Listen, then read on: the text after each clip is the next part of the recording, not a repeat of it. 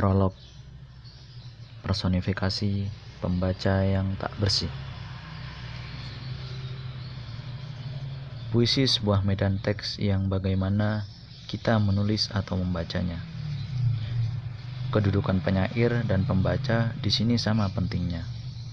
Keduanya berada dalam otoritas yang sama dalam mendekati puisi. Penyair dan pembaca membangun lorong referensial, referensial sebagai masing-masing dalam lorong dan kemungkinan tidak bertemu dengan penyair dan pembaca. Penyair dan pembaca adalah suatu yang harus diterima kemungkin kemungkinannya, sebab dunia pembaca sendiri merupakan sebuah lingkungan yang majemuk. Pada dirinya sendiri puisi pada dirinya sendiri puisi sudah melekat sebagai media cetak verbal. Diperlakukan berbeda dengan bentuk-bentuk tulisan lain yang dianggap bukan puisi. Lekatan itu baru terlepaskan ketika ada pembaca yang membaca puisi dengan cara membongkarnya, membawa serta teks-teks lain dalam aktivitas membacanya,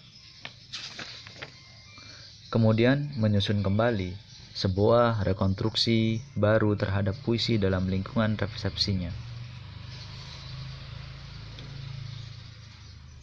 Karena itu, ketika puisi dibaca, puisi menjadi biografi teks yang menjemuk, tidak bersih, penuh dengan pengotoran.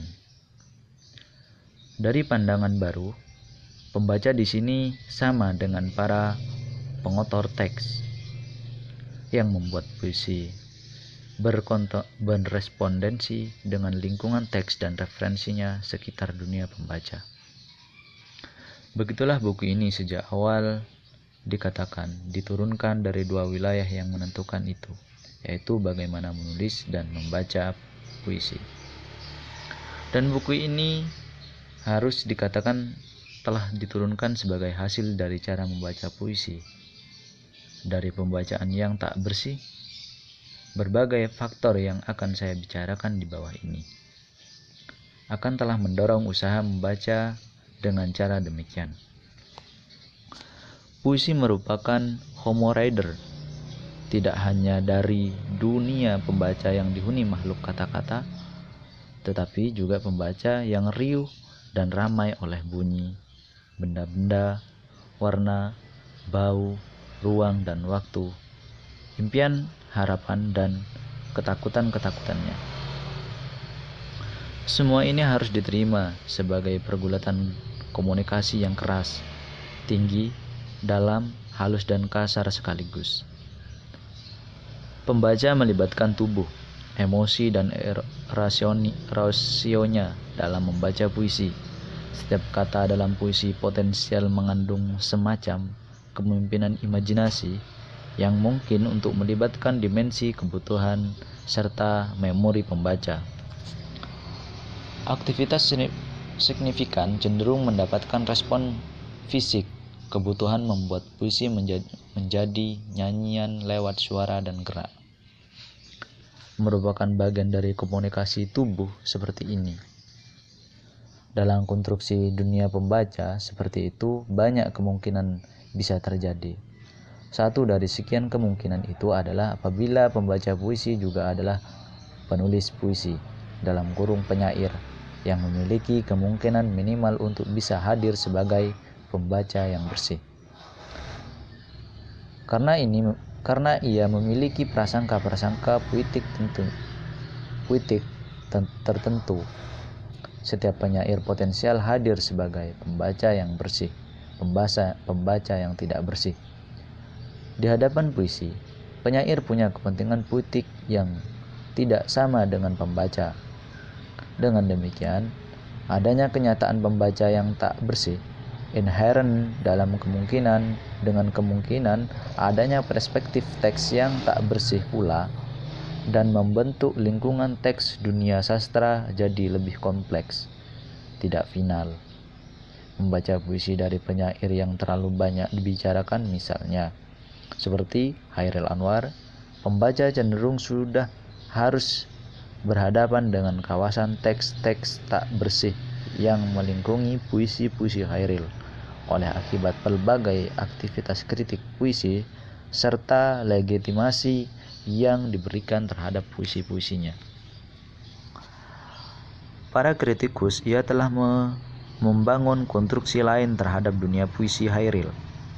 Personifikasi terhadap biografi Hairil Anwar sebagai binatang jalang yang tak dilakukan haji oleh Habib Jasin semisalnya dan membangkai dan membingkainya dalam identitas sosial politik. Angkatan 45 tidak bisa diberikan sebagai sebegitu saja untuk menemukan kembali puisi-puisi Hairil dengan membacanya sebagai teks yang tak bersih. Puisinya telah jadi tenunan pemaknaan yang kompleks, dirajut oleh banyak tantangan-tantangan signifikan, tangan-tangan signifikan. Ia tak bisa dilepaskan dari kereta penafsiran di mana gerbong teks-teks lain ikut merangkainya.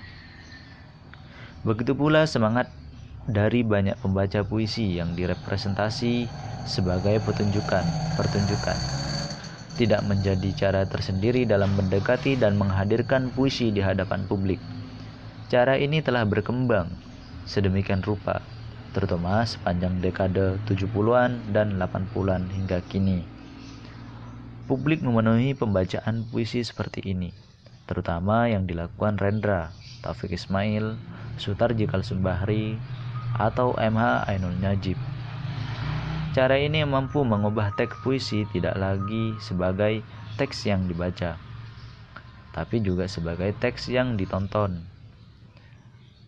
Dan ini berarti telah mengubah pembaca menjadi penonton. Dalam pembacaan seperti itu, puisi melampaui pagarnya sendiri sebagai teks yang menyaksikan kepada teks yang disaksikan. Memasukkan publik ke dalam pembacaan puisi sebagai pertunjukan sebenarnya sama dengan pembersihan massal terhadap pembaca yang tak bersih. Otoritas kebebasan membaca di depan teks tercetak berkurang hanya ketika ia harus menyaksikan teks itu sebagai tontonan pembaca yang tak bersih di sini dibersihkan. Tapi pada saat sama, tontonan itu menciptakan kawasan teks yang tak bersih kepada puisi yang dibacakan melalui banyaknya unsur pertunjukan yang mengelilinginya. Dalam pertunjukan ini, pembaca puisi lebih penting dari puisi yang dibaca. Gejala tersebut kian kompak pada dekade yang sama, ketika mulai bermunculan penyair yang menekankan puisi di tempat-tempat umum.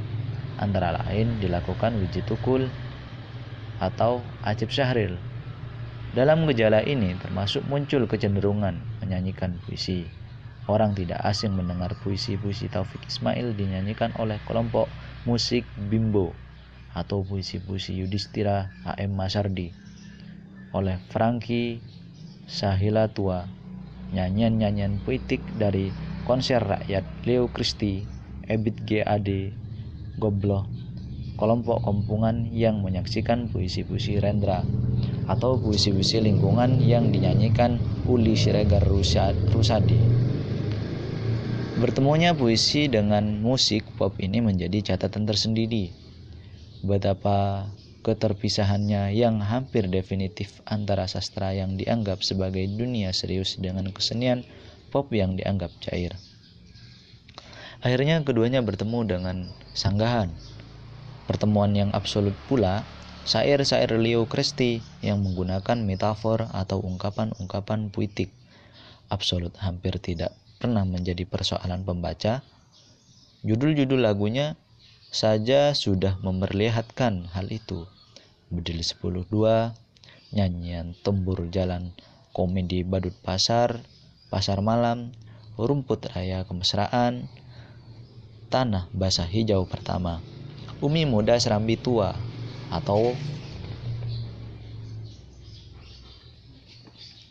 marga souvenir pojok Sumba. Opo Leo Kresti memiliki kepandaian melakukan kes kesetarafan signifikan antara emosi musik dengan pesan syair.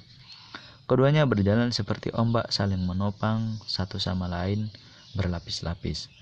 Begitu pula kehadiran puisi konkret yang menambah kata menjadi benda, ruang, cahaya, bunyi, fenomena dan merupakan usaha menyentuh kemungkinan indrawi untuk ambil bagian dari aktif lagi dalam pembacaan puisi. Puisi seperti mencari tubuh dan ruang hidup baru di luar kata. Puisi di tubuh jadi pusat performin performan dalam pembacaan puisi hingga lahirlah risiko teks mengalami perubahan substansial yang tak terletakkan dari puisi ke sesuatu yang tidak hanya sekedar puisi lagi. Membaca puisi di sini menjadi sama dengan melakukan transformasi tekstual. Uh, cukup sekian terima kasih pembacaan esainya yang ditulis oleh Afrizal Malna akan dilanjutkan pembacaan selanjutnya. Terima kasih